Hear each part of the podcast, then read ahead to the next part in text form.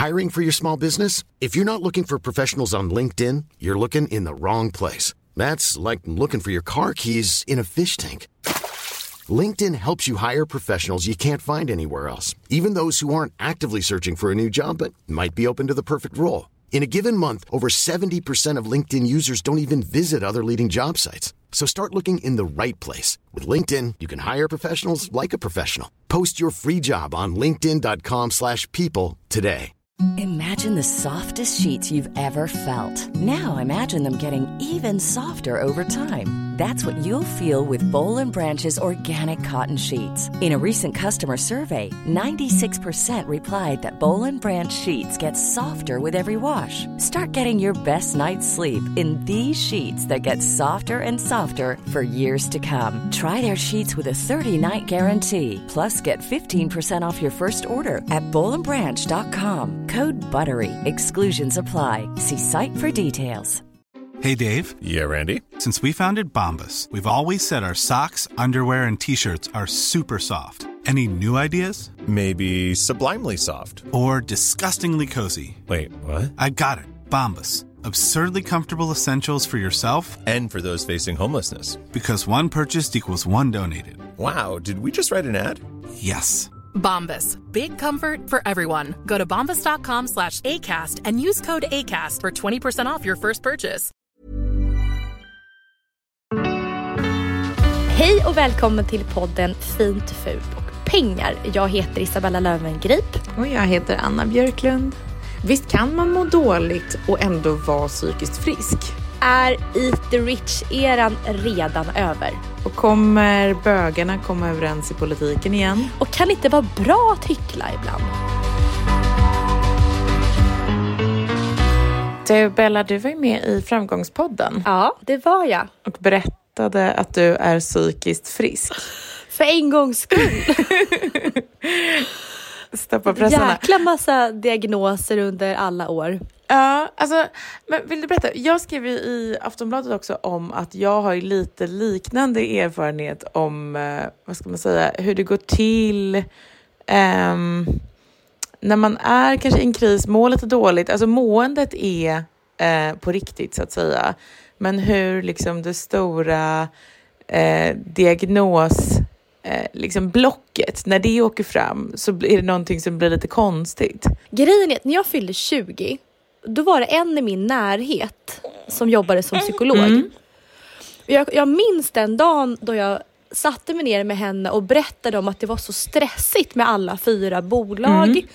Eh, jag drev dels mina sociala medier men så drev jag en eh, vad var det? Ett eh, bloggnätverk och så hade jag en egen tidning Mm. och sen var det något klädmärke så det var liksom ganska mycket. och, sen, och sen så i det här så höll jag på att få magsår. Ja. Och eh, då satte hon sig ner med mig och sa det att Nej men Isabella, du, vi måste utreda dig för, eh, för en ADHD-diagnos tycker jag. Det är så intressant. Vad skulle det ha Och- med varandra att göra? Egentligen. Ja, nej, men nu i efterhand så när man blir äldre så förstår jag väl det. Men jag tror också att det känns ganska skönt att få landa i någon vuxens famn. Någon som är auktoritär som säger så här, vet du jag har lösningen på den här. Nu sätter vi en diagnos så får du luta dig tillbaka igen. Just det. Och så finns det liksom eh, ett stöd kanske i det. Ett stöd så här, ovanifrån från vuxenvärlden på något sätt. Och också lite en, en stämpel som då kan ja, men förklara grejer som kanske annars är svårt att förklara då. Eller hur? Ja, och som att någon ser Mm. den också. Så bara, ja, du gör väldigt mycket saker. Jag förstår att du har mycket energi. Att man får någon förklaring till varför Ja men, ja, men, ja, men varför det är som Mm. det är. Och, och i vuxen ålder, eller några år senare, så inser jag att jag har ju inget av de här symptomen. Nej. Alltså, jag är bara, jag, jag bara tycker det är kul att driva bolag. Ja, alltså det, när folk frågar eh, mig om dig så brukar jag eh, säga det. Alltså, vi har inte pratat så mycket om det här innan, men, men när jag får fråga så här, men hur, okay, men hur är Isabella Löwengrip? Så brukar jag liksom få förklara så här att Isabella Löwengrip är väldigt psykiskt frisk. De bara okej. Du- jag bara jo, jo. Alltså, ni skulle inte tro det. Men, Nej, gud vad roligt. Nej, men för att, alltså, det, det här är ju liksom lite... ehm, man har ju pratat om att det finns så här typ en överdiagnostisering av framförallt då kanske ADHD och autism. Och att det, det till och med öppnat en mottagning i, nu i början av det här året för att avdiagnostisera eh, människor som har fått någon av de här diagnoserna framför allt och sen liksom i sitt vuxna liv. För det är också ofta folk som är unga eller barn liksom när de får diagnosen som sen växer upp och typ lär sig att hantera världen eller lär sig att liksom hantera sig själva på olika sätt kanske. Nej men jag håller med och tittar man på alla diagnoser som folk har velat sätta på mig. Då har vi först Ja. ADHD. Sen har vi Asperger. Asperger också, jaha. och, eh, ah. japp, och, eh, och det står till och med på min Wikipedia. Mhm. och, och, sen så, och sen så har vi att jag är bipolär. Precis. Så det, så det finns en hel uppsjö med grejer här om man vill. eh, Ja. Och, och det är så intressant för precis som du säger, ganska psykiskt frisk. Jag skulle ändå beskriva mig själv som det. Självklart så har man ups and downs men jag har också levt ett sånt extremt Ja. Det hade varit konstigt om jag inte hade haft ups and downs i det här märkliga livet. Nej men precis. När jag gick på psykologprogrammet, alltså det här, eh, det, jag mindes det så här när jag eh, lyssnade på dig och pratade med, när du pratade med Alexander Pärleros. Då hade vi så här ett praktiktillfälle där jag skulle få vara med eh, med nyinsjuknade eh, schizofrena. Eh, eller då misstänkt schizofrena. Man skulle liksom utreda om de var schizofrena. Och då fick man som psykologstudent sitta bakom en psykiater eller psykolog. Eh, ibland var de båda delarna med. Eh, och liksom höra dem prata då. Man fick inte delta i samtalet. Men höra dem prata då med någon som var ungefär i min egen ålder då och var misstänkt schizofren. Och och det var så himla intressant för att jag kunde då sitta och lyssna på någon som lät typ som så här, nästan alla jag kände för att alla i typ den åldern mår ju fruktansvärt i perioder. Liksom. Eh, och jag kommer ihåg att det var någon som, som mådde jättedåligt och sa så här, ah, men jag, jag liksom har svårt att eh, komma över tröskeln vissa dagar för att jag liksom är, tycker att världen utanför dörren är så obehaglig och jag känner mig liksom inte trygg bland främlingar på stan och sådär.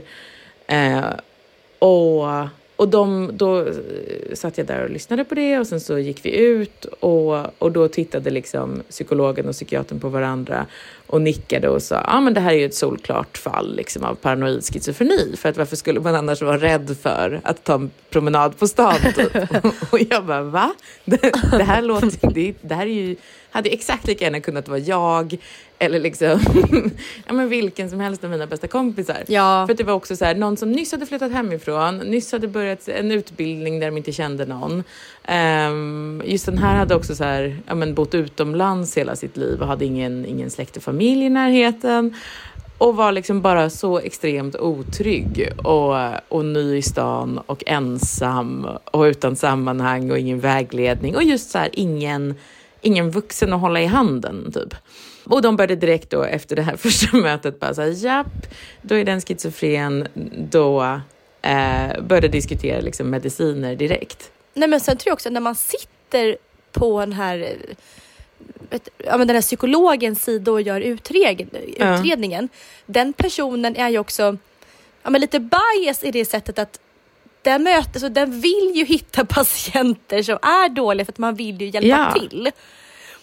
Det känns som att man är mer inställd på att leta efter eh, symptom som stärker det man är där för att leta efter än tvärtom. Precis. Men, men det jag inte har tänkt på heller att när jag fick min AD- ADHD-diagnos som Mm. 20-åring, då gjordes den på två intervjuer Ja. på typ 45 minuter, 50 minuter Mm. var. Och så fick jag ett papper som var ett IQ-test. Mhm. Och sen skulle jag svara på lite frågor kring om jag var hyper eller inte. Ehm, och sen så, ja, och det var det. Alltså det var det. Och likadant med den här bi, bipolärdiagnosen. då var det inga intervjuer alls i princip. Det var ett samtal med någon stor överläkare, psykiater på Danderyds Ja, ja. sjukhus efter jag hamnade där på grund av utmattning. Och sen var det klart och så stod det i min diagnos, eller min remiss när jag kom Men ut. alltså jag blir livrädd när jag hör det här. Alltså för jag tror, Men ska det inte vara en... Det, ta, det här ska väl ta tid? ja precis för man borde ju se så här, okej den här människan som är ny i stan och, eller just haft en krasch som du eller liksom eh, är inne i någon, eh, eh, någon intensiv period på något sätt. Ja nu funkar den så ett tag. Eh, hur funkar den om ett halvår eller ett år? Alltså antagligen inte på samma sätt, Ja. är min erfarenhet. Eh, eller hur? Nej, ja exakt. Nej, nej, så jag är jätteglad över den här mottagningen start. Jag blev jätteglad när du, när du sa det. Det finns en ganska ny serie på Netflix som många pratar om. Mm, det gör de. Den heter Barracuda Queens. Nu duckar vi och drar. She's so cool. Huset står ju tomt. Det tar ju bara från en vike. Som Robin Hood, typ. Jag hatar att vara fattig. Jag med. Lollo, du är inte fattig. Du behöver inte ens jobba. Alltså berätta för mig, för jag har inte eh, hunnit se den här. Eh, jag lovar jag ska för att jag eh, tycker om att förstå vad det är folk pratar om. Men den utspelar sig på 90-talet, det är allt jag fattat. Ja, exakt. Och alltså, den, jag tycker inte ens att den är sevärd. Inte? Nej, den är inte speciellt bra. Nähä. Alltså verkligen inte. Åh. Och, och jag vet varför jag inte tycker att den är Okej, bra. mm, nyfiken nu. Men, men som sagt, Barracuda Queens den handlar om ett gäng eh, tonårstjejer då. Jag tror året är 1995. De bor i Djursholm, lever sina rika liv. Föräldrarna är jätteuttråkade så att på deras fester eh, med alla rika föräldrapar så ska de alltid lägga eh, alltså deras hemnyckel i en skål. Och då får alla män dra en av de här nycklarna som ligger i skålen som paren har eh, lagt i. Och den nyckeln man drar upp, då ska det paret få ligga med det andra paret. Ja, ja men det, En sån just klassisk det, just, det, just lek. det. Ja, som jag hört talas om Eh. typ sen jag var barn och sen så har jag alltid undrat så här eller tänkt att det här har ju aldrig hänt på riktigt, eller? Nej men så, och det är väl verkligen det som, som handlar den här, som Barracuda Ja. Queens handlar om. Att det är uttråkade Djursholmsgäng och de här tjejerna då börjar, börjar sno en massa saker. Mhm. Och den har då den är inte baserad på den här Lidingö-ligan men det finns väl vissa scenarion från den Mm. att det är liksom en liga som snor dyra saker hemma hos folk. Ehm, bara så kul, när jag hörde namnet Barracuda Queen så tänkte jag men gud Barracuda och Djursholm. Och då, landade, då kom jag på att jag hängde där som tonåring. Ja. Det är en strand. Det är en strand. Ja, det är ett litet så här, eh, tonårshäng. Jaha, okej. Ja, sidospår. Så jag har nu landat i varför jag inte gillar den här Netflix-serien. Och det är för att vi har ju haft en ganska lång fas av så här, eat the rich-fas. Ja, det får man säga. Det får man. En, en ganska lång period där vi har älskat att skratta åt de rika och vi har pratat väldigt mycket om det i vår Mm. podd. Eh, vi nämnde tidigare Triangle of Sadness, White Lotus, Succession kan jag tänka mig en sån serie. Verkligen. Ja, precis. Att- där är det ju också att man, man, jag tycker att man kommer dem nära och faktiskt förstår dem också. Det är därför jag gillar den, liksom, att den inte bara är eh, kolla vad dumma de är, utan, utan det är eh, kolla vad dumma och hemska de är, men, men, eh, men de är också människor. Liksom. Men överlag så har vi verkligen haft en sån eh, trend i de serier och filmer som har visats och vunnit Mm. priser. Eh, men jag känner nu, jag känner att eran redan är förbi. Alltså det blev inte mer Är än det så här. sant? Nej, alltså Det, eh, jag, jag kollar hon som eh, har skrivit eh, den här eh, Barracuda Queens och hon har också skrivit då Störst av allt, eh, jobbat med något som heter Morden i Sandhamn, alltså eh, Rederiet, det är också liksom alltså, familjen Redare, liksom hur de bråkar med varandra och så. Okej, okay, det kanske inte är eh, det var lite en annan tid, men, eh, men, men det, vad ska man säga, det är ju en genre.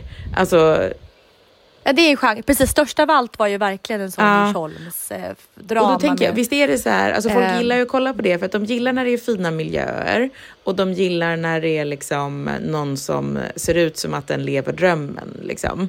Men så gillar de också då att den människan inte, är, inte typ förtjänar vad den har. Eller förstår du? Att det ska ändå vara, man ska ja. se drömmen men man ska också kunna plocka ner alla eh, personer som lever drömmen. Eller hur? Exakt, för, för det är lättare för oss att acceptera våra egna ja, liv precis. som inte är så här. Mm. Och, och det är det jag landar i när jag tittar. Att när man ser de här tonårstjejerna superrika i Djursholm, då inser jag att det är ju så här man vill ha det. Mm, mm. Alltså, det är ju så att man landar ändå i att hur mycket man än kan avsky och skratta åt den här typen av rika grupp i samhället uh, uh, uh. så landar man ändå i att livet är mycket bättre att växa upp svinrik och snygg. Alltså det blir inte bättre nej, än så. Nej.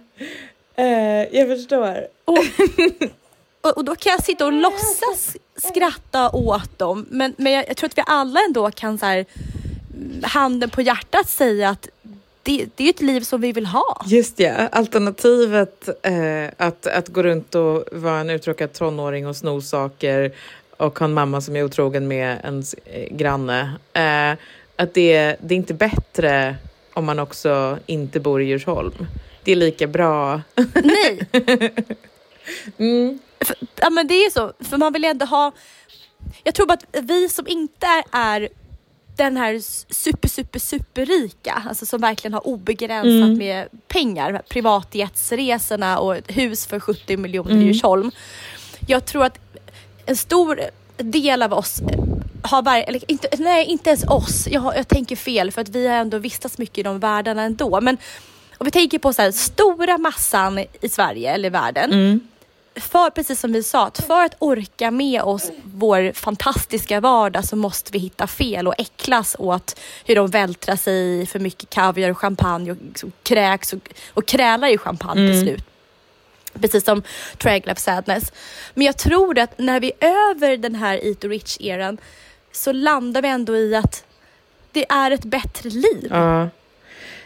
Och på så sätt tror jag... Att. Och likadant, uh. hur mycket ja, och hur mycket av de här filmerna och serien och även Barracuda Queens försöker att förstå oss att de lever ett hemskt liv så går det liksom inte att bevisa det mer för det enda vi ser är just otrohet, de är skurkar, de är elaka.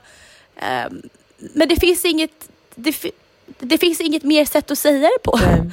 Alltså, vi har sagt det på alla mm. sätt som går att säga det på. Men alltså, jag, måste, jag har nog lite en så här, eh, samma känsla om, både när jag kollade på Succession som ju, eh, alltså vad ska man säga, det är ju inte ett så här eh, mega lyckligt slut eh, på den eh, serien och det är inte så mega lyckligt innan det heller. Men både när jag såg den och också nu när jag kollar på Kardashian som har börjat gå igen eh, till min stora lycka. Så eh, alltså hur jobbigt de än har det i båda de serierna så är jag lite avundsjuk på dem med för att de också har Um, alltså de har ju väldigt mycket tid att göra sånt som är bra drama, det vill säga umgås med varann. Alltså även när de är som elakast mot varann och som mest, uh, um, alltså, och det, det är som jobbigast på alla sätt, så, så eh, är det ändå, alltså vad ska man säga, någonting som jag tror människor trivs väldigt bra i. Det vill säga att hålla på och ha små maktkamper och små vendettor och små eh, hämndaktioner fram och tillbaka, men där alla ändå på något sätt eh, är eh, sitter, samlas i, i, runt något middagsbord i slutet av dagen. Liksom. Det är väldigt så här, eh, trevlig TV. Och jag tror att det är för att det är någonting som många saknar just när man är iväg på sina olika jobb och, och måste försörja sig och sådär. Så, så äh, har man inte den typen av så här, djupa relationer och har inte den typen av aktivt familjeliv. Förlåt. Men, men fattar du vad jag menar, eller hur?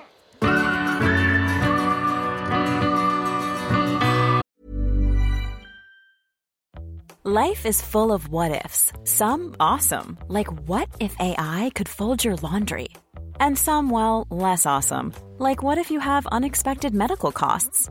United Healthcare can help get you covered with Health Protector Guard fixed indemnity insurance plans. They supplement your primary plan to help you manage out of pocket costs. No deductibles, no enrollment periods, and especially no more what ifs. Visit uh1.com to find the Health Protector Guard plan for you. Mother's Day is around the corner. Find the perfect gift for the mom in your life with a stunning piece of jewelry from Blue Nile. From timeless pearls to dazzling gemstones, Blue Nile has something she'll adore. Need it fast? Most items can ship overnight. Plus, enjoy guaranteed free shipping and returns. Don't miss our special Mother's Day deals. Save big on the season's most beautiful trends. For a limited time, get up to 50% off by going to BlueNile.com. That's BlueNile.com. Hiring for your small business? If you're not looking for professionals on LinkedIn, you're looking in the wrong place. That's like looking for your car keys in a fish tank. LinkedIn helps you hire professionals you can't find anywhere else, even those who aren't actively searching for a new job but might be open to the perfect role. In a given month, over 70% of LinkedIn users don't even visit other leading job sites. So start looking in the right place. With LinkedIn, you can hire professionals like a professional. Post your free job on linkedin.com slash people today. Vet du vad det värsta jag vet? Det är när gravida visar sin mage. I något konstigt kattplagg. Ja. Jo, men jag ser folks magar exakt hela tiden. Eh, Men då har jag också varit lite Mm. avundsjuk eh, eftersom jag nu för en gångs skull inte är gravid. Vilket är ganska skönt. Men då eh, tänker jag så här. Åh, just det. Jag gjorde aldrig någon sån ehm, eh, eh, den sortens, eh, tog aldrig den sortens bilder på mig själv. Liksom. Jag har inga nakenbilder på mig riktigt. Och då tänker jag, åh nej, det kommer jag ångra. Så att jag, jag har andra känslor när jag ser allas magar hela tiden. När Rihanna är gravid nu igen liksom. Um, och går runt och är så inoljad och näck hela tiden. Tänker jag så här, ah, det är den stilen jag borde ha haft i vintras när det var 40 minusgrader i Stockholm. Men är det inte lite märkligt att många av de här personerna, internationella men också svenska, att det ska finnas någon form av sexighet när magen ploppar ut och posering och smink och hår och fix och allting? Eh, jo. Det, det, fin, det finns en underton i något sexuellt. Det är, det är megasexigt, ja absolut. Alltså, så här, alltså Rihannas eh, gravidstil har ju varit det. Det har ju varit det som varit liksom eh, som gjort den så viral eller vad man ska säga. Alltså dels kanske att det är Rihanna och dels att hon är gravid. Men också att hon varit så, alltså gått och åmat sig. Alltså som en sån, eh, du vet, brasilial, brasiliansk danserska på karneval. Så det har ju varit hennes gravidstil liksom. Exakt. Eh, inoljad och liksom med plymer på pattarna. Alltså så.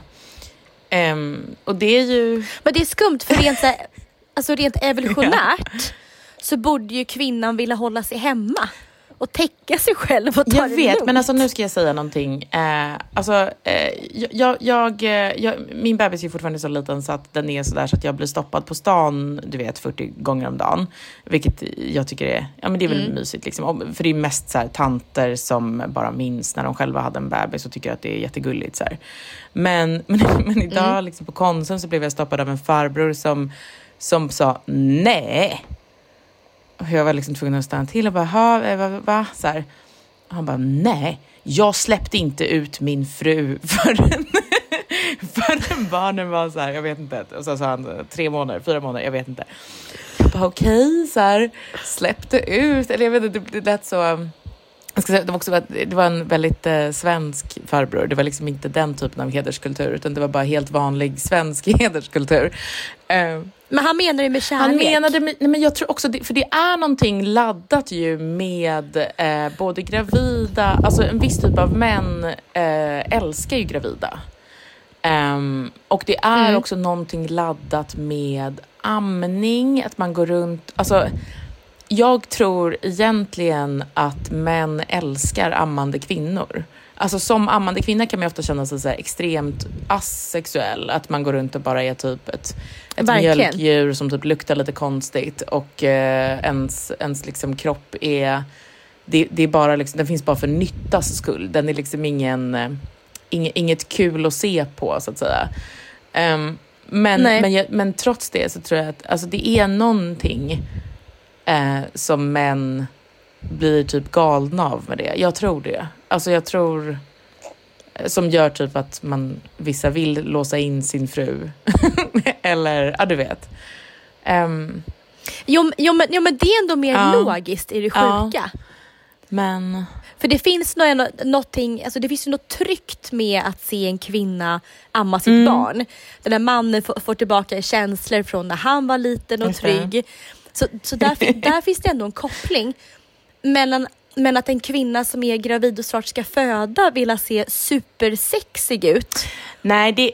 Alltså nej. den, jag tycker den är kon- Mm. alltså, Rent sådär evolutionärt så tycker jag att den är konstig. Men vi, Jag ja, men ja, precis. det. För det jag tänker på när jag ser då Rihanna, det är ändå så här eh, att jag känner så här, gud vad duktig hon är som orkar. För att det här kan ju inte vara så himla Ja. kul för henne, utan det här måste ju vara 100% arbetsmoral.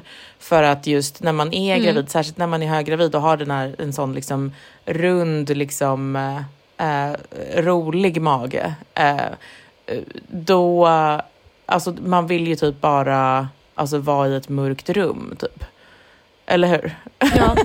alltså. Och, sky, och, sky, och skydda, ja, och skydda magen. magen. precis, skydda Bara sig en sån själv, sak skydda magen, känns precis, dra sig konstigt. undan från världen och typ ligga och, och gnälla lite. Eh, Ja, och att, ens, och, att, och att ens man finns där Mm. och eh, stöttar och handlar. Mm.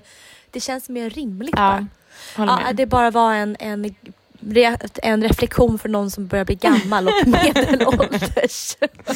Mm, mm, men ja, du har rätt. Vi är också yngre än Rihanna båda två ska jag säga. Men, eh, men hon, har, hon har uppenbarligen bättre arbetsmoral.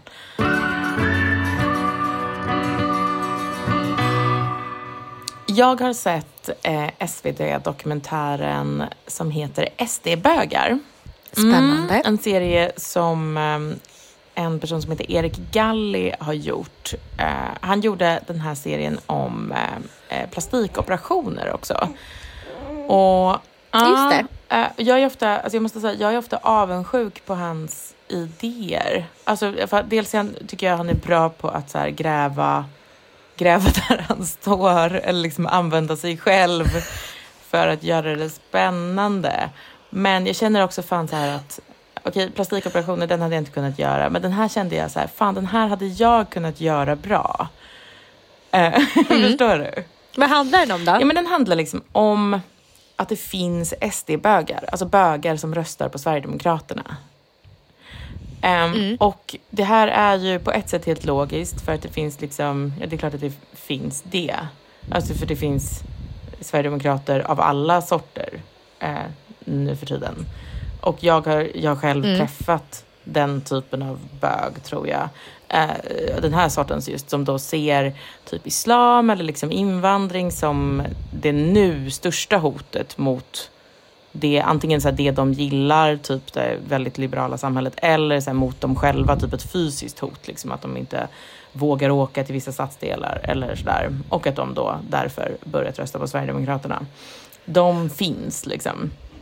Och, eh, men det är ändå en så här lite av ett, det blir ändå någon slags så här, eh, mindfuck. Att, att liksom säga, va? Är de självdestruktiva? Varför röstar de liksom ehm, unga coola bögar, nej kanske inte är unga och coola ens, jag vet inte, men varför, varför skulle bögar rösta på ett parti som tycker att den familj, ja men det är någonting som borde heta eh, Hans och Greta och det ska vara hans och hennes och de ska bo i typ ett rött hus och dricka mellanmjölk och hissa flaggan. Eh, varför, varför, vad har det liksom med bögar och bögkultur att göra? Förstår du vad jag menar? Att det, det är en sån... Ja, absolut. Det, det, är någon slags mindfuck fast det också inte borde vara det. Och, och att det är precis som kanske SD-judarna är också en sån grej, att det finns judar, eh, jag har träffat flera av dem också, som, som då röstar på ett parti med rötter i nynazismen. Och det blir också en sån så här, va, va, är de självdestruktiva? Ska... Jag har aldrig Inte? hört talas om. Jag har aldrig träffat jude, SD. Ah, okej. Nej, Nej. har jag inte. Ehm, Nej.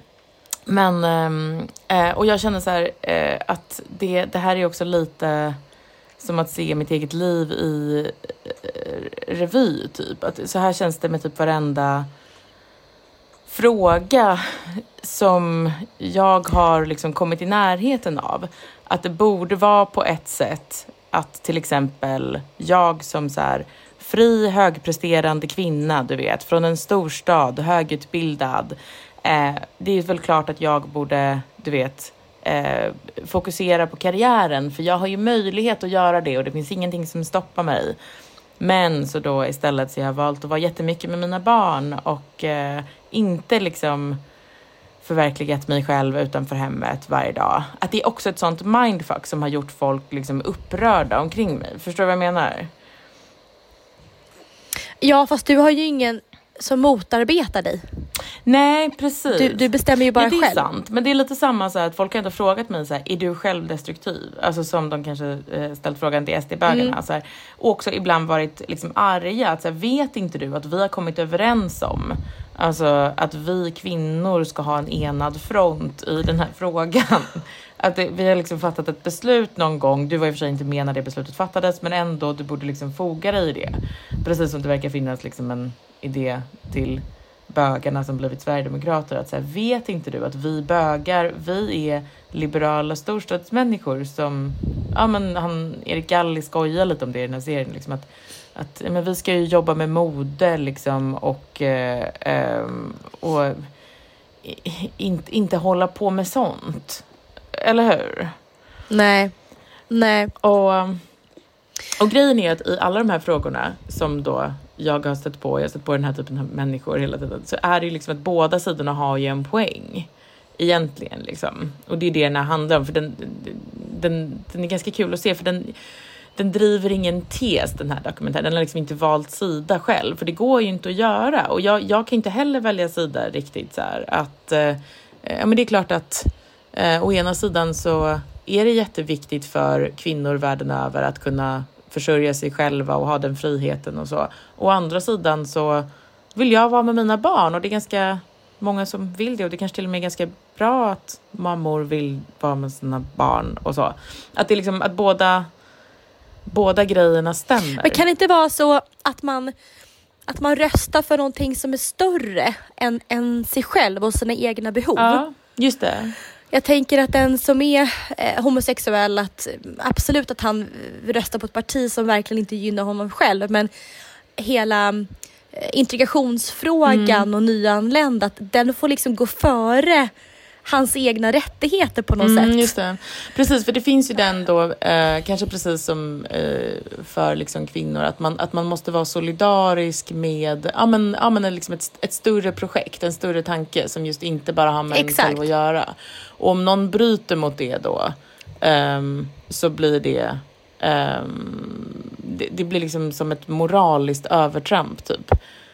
Att, att det är därför det blir liksom en dålig exakt. feminist, det är inte bara någon som är dålig för, för henne själv, utan det blir moraliskt liksom fel. Ja. Jag fattar. Men, men jag tycker inte att det är fel att om du hade verkligen röstat och lobbat för kvinnors rättigheter och stått där längst fram i tåget eh, om, det hade, om vi hade haft en sån process runt det och att du samtidigt inte vill jobba och vara hemma med dina Nej, barn.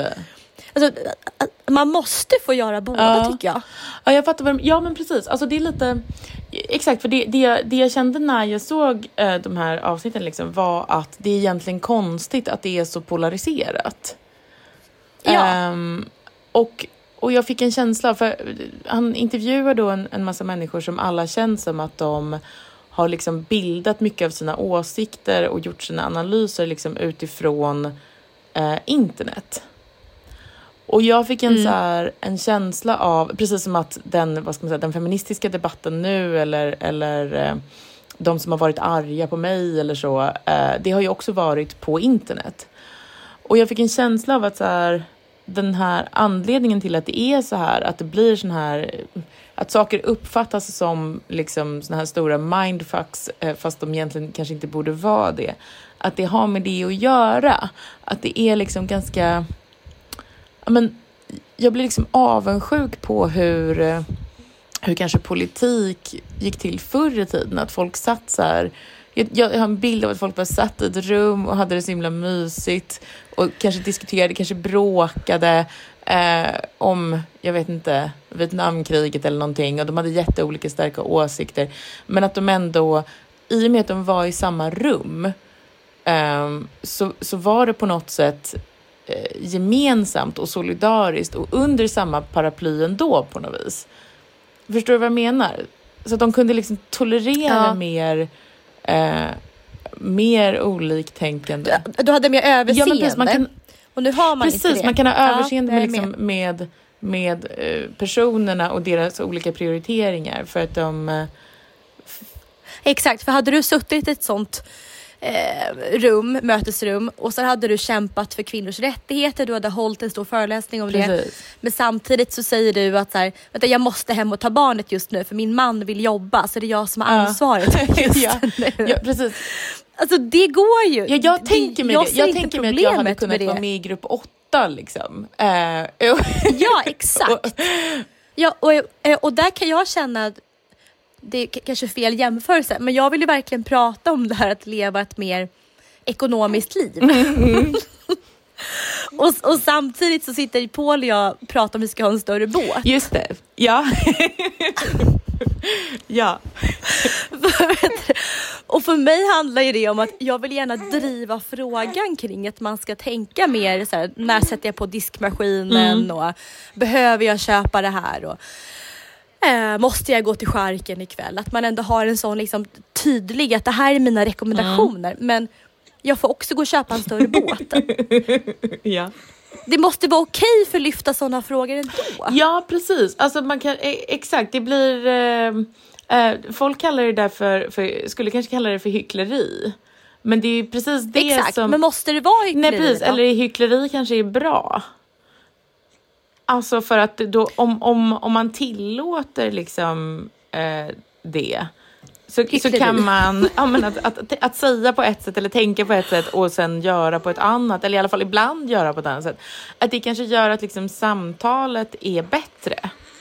Det är när det blir liksom eh, för lite hyckleri som, som det blir så här aggressivt och Då blir det fejk det blir också. precis. Det är exakt. Det Ja. är då, det- alltså, precis.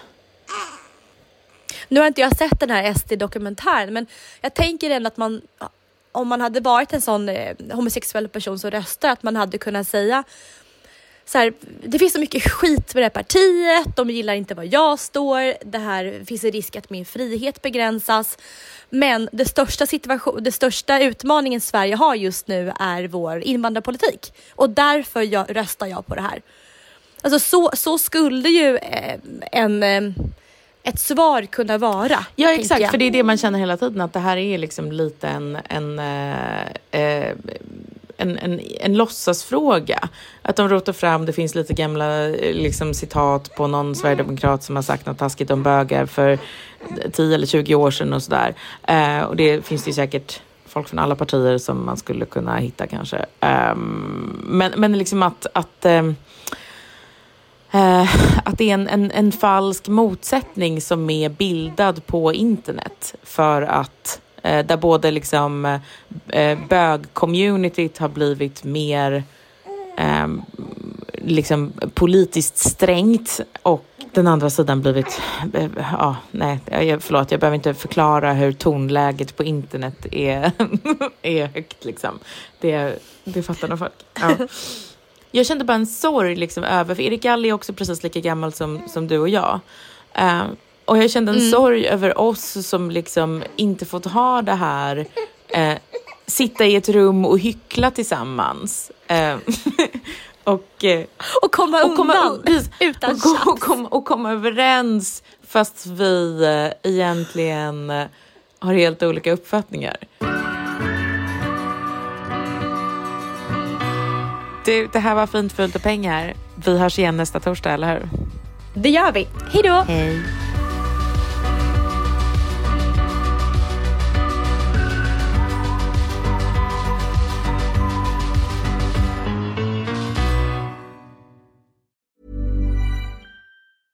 Even when we're on a budget, we still deserve nice things. Quince is a place to scoop up stunning high-end goods for 50 to 80% less than similar brands. They have buttery soft cashmere sweaters starting at $50, luxurious Italian leather bags, and so much more. Plus, Quince only works with factories that use safe, ethical, and responsible manufacturing. Get the high-end goods you'll love without the high price tag with Quince. Go to quince.com slash style for free shipping and 365-day returns. This message comes from BOF sponsor eBay. You'll know real when you get it. It'll say eBay Authenticity Guarantee. And you'll feel it. Maybe it's a head turning handbag, a watch that says it all, jewelry that makes you look like the gem, or sneakers and streetwear so fresh every step feels fly. eBay gets it. So look for the blue check mark next to that thing you love and be confident that every inch, stitch, sole, and logo is checked by experts. With eBay Authenticity Guarantee, you can trust that feeling of real is always in reach. Ensure your next purchase is the real deal. Visit eBay.com for terms. Imagine the softest sheets you've ever felt. Now imagine them getting even softer over time. That's what you'll feel with Bowl and Branch's organic cotton sheets. In a recent customer survey, 96% replied that Bowl and Branch sheets get softer with every wash. Start getting your best night's sleep in these sheets that get softer and softer for years to come. Try their sheets with a 30-night guarantee. Plus, get 15% off your first order at bowlandbranch.com. Code BUTTERY. Exclusions apply. See site for details.